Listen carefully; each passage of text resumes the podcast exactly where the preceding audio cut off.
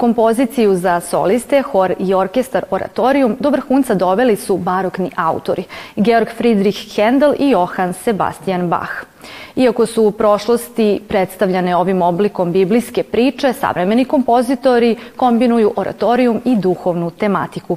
Upravo jedno biće reči u današnjoj arteriji. Moje ime je Milica Rančić i bit ću vaš vodič kroz svet umetnosti i kulture u narednih 15 minuta. Evo šta izdvajamo. Oratorijum posvećen geniju svog doba Milošu Crnjanskom, premijerno izveden u Srpskom narodnom pozorištu.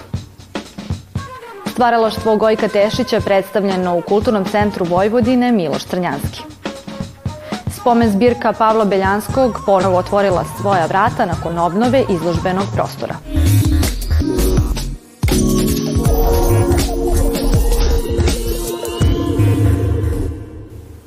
U čast velikom srpskom književniku, romansijeru i publicisti Milošu Crnjanskom, Kulturni centar Vojvodine koji nosi njegovo ime, Srpsko narodno pozorište i Udruženje Sumatra predstavili su danas muzičko-scensko delo posvećeno tom velikom umetniku.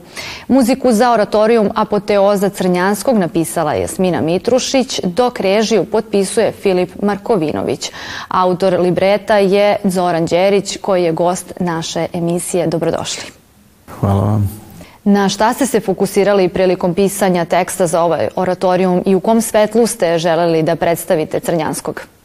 Pa u nazivu već stoji apoteoza Crnjanskog, imajući pre svega u vidu njegovu priču apoteoza, koja je posvećena Banatu i njegovim prijateljima, zemljacima koji su poginuli u Prvom svetskom ratu.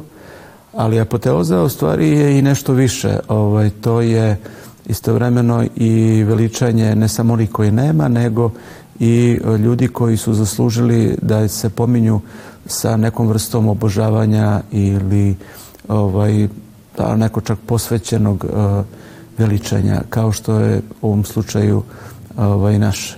E, mi smo želeli da u okviru dana Miloša Crnjanskog obradimo temu apoteoze, istovremeno ova tema nameće jedan drugačiji žanr, a to je oratorijum, koji je između opere i operete, odnosno između dramskog i scenskog, previš, previš, previše je ovaj svedeno, tako da ne može biti e, neke velike dramske radnje, ali je e, prepušteno muzici i stihovima.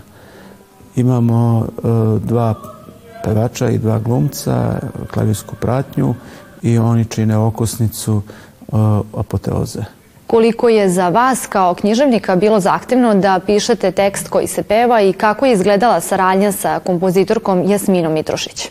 Pa nije bilo pis, teško pisati zato što ovaj, kad se piše libreto u osnovi to je poezija što je meni vrlo blisko. Budući da sam se bavio životom Crnjanskog i ranije, ovaj, znao sam mnoge činjenice i ja sam, znači, taj njegov život od rođenja, bukvalno do smrti, ovaj, izrazio kroz stihove.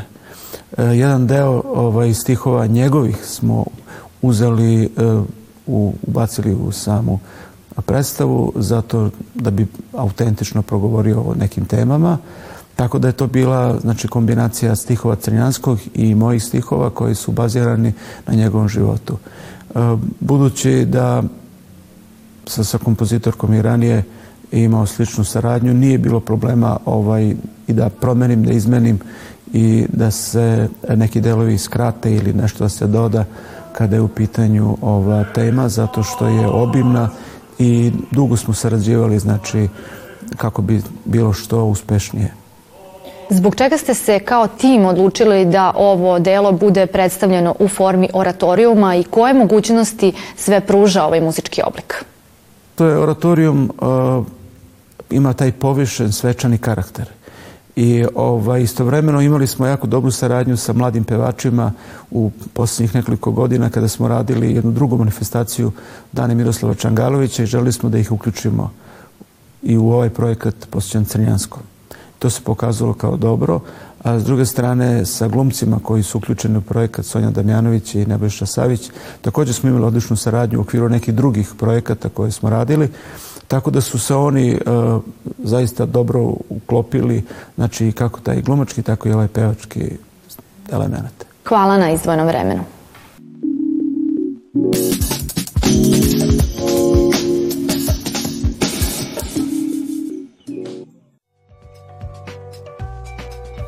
Književni istoričar, univerzitetski profesor u PNZ, pokretač niza izazovnih književno-istorijskih, književno-teorijskih i kulturoloških projekata Gojko Tešić gostovao je u okviru programa Lice u fokusu u Kulturnom centru Vojvodine Miloš Crnjanski. Naime, najdublji trag Tešić je ostavio kao istraživač srpske književne avangarde. Na tom planu istražujući i vraćajući u žive kulturne tokove manje poznate i zanemarene stvaraoce i dela, Tešić je prema oceni Predraga Palavestre sam uradio više posla nego kakav naučni institut.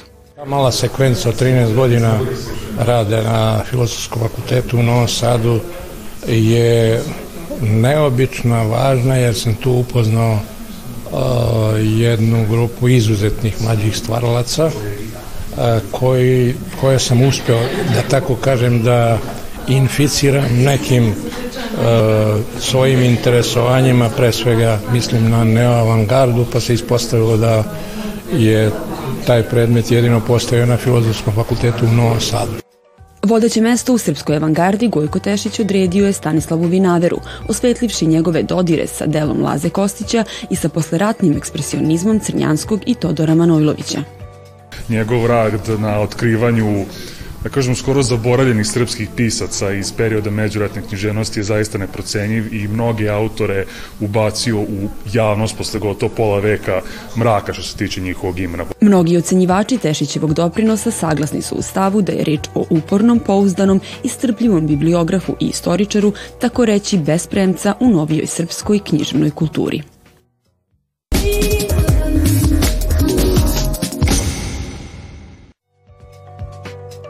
Nakon 60 godina od osnivanja započeta je adaptacija spomen zbirke Pavla Beljanskog. Tako je u skladu sa muzeološkim standardima ove godine u prvoj fazi renovirana izložbena sala na prizemlju, te je sada u savremenim uslovima predstavljena reprezentativna kolekcija jugoslovenske umetnosti prve polovine prošlog veka, koju je osmislio i darivao Beljanski. U adaptaciju je pokrenjska vlada uložila više od 40 miliona dinara, a posao je sufinansiralo i Ministarstvo kulture. Pavle Beljanski nas je učinio bogatim, poklonivši svoju vrhunsku zbirku umetničkih dela srpskom narodu. Kroz programe spomen zbirke vi nas darujete materijalnom, stručnom, ljudskom podrškom da bismo mi za uzvrat darivali programe koji će građanima Srbije i inostranoj publici darovati vrednosti nacionalne kulturne baštine. Pored renoviranja dela zgrade koje je i sama graditeljsko nasleđe, u spomen zbirci ovu godinu zbog realizovanih projekata označuju kao uspešnu, te su iskoristili priliku i da se zahvale saradnicima.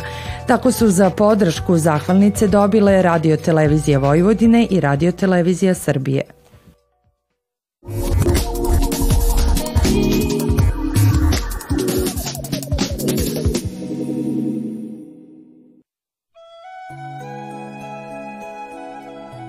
25 godina prošlo je od kako je u decembru 1997. godine premijerno prikazan klasik svih vremena, Titanic Jamesa Camerona, na čiji se pomen ljubitelji sedme umetnosti i danas razneže kultna romantična scena na pramcu broda kada se bogata devojka Rose koju tumači Kate Winslet nalazi u naručju siromašnog lovca na blago Jacka, čija je uloga pripala neprikosnovenom Leonardo DiCaprio i u današnje vreme služi zaljubljenim parovima kao podloška i metafora za osvajanje simpatija uz obavezno izgovaranje čuvene rečenice koja se inače nije nalazila u scenariju, a glasi I am the king of the world.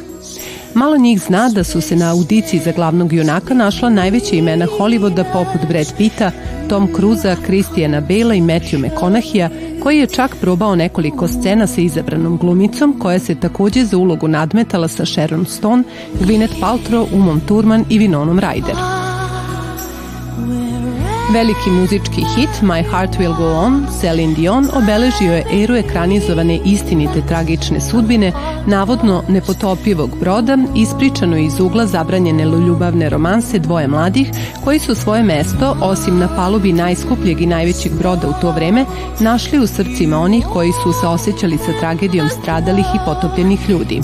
Do danas su priče o brodu zanimljive javnosti, poput činjenica da je na njemu bilo oko 2220 ljudi, da je poginulo oko 1500, da je preživelo tri psa, da je orkestar zaista svirao sve dok brod nije potonuo, da su se čamci za spašavanje vraćali po pripadnike niže klase, kao i da su sa njim umrli i neki od najvećih industrijalaca tog vremena. Film zbog kojeg je reditelj Cameron ronio čak 12 puta do olupine Titanika kako bi priča o njemu i preživelima sa njega bila što verodostojnija, imao je dvostruko veći budžet od planiranog, a u istoriji filma upisao se kao film sa najvećim ostvarenim prihodom do tad, te ne čudi da oni koji su bili deo njega i danas zarađuju od istog. Film Titanic osvojio je čak 11 Oscara, a u vreme kad je objavljen zaradio je više od milijardu i po dolara.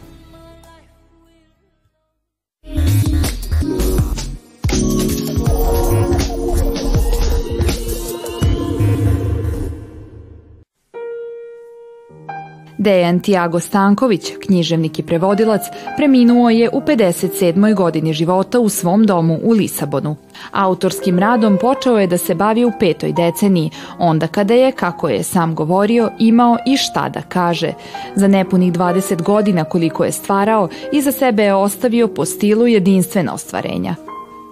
Nagrađivani roman Eštoril preveden je na više svetskih jezika, a u Portugalu je uvršten i u školsku lektiru.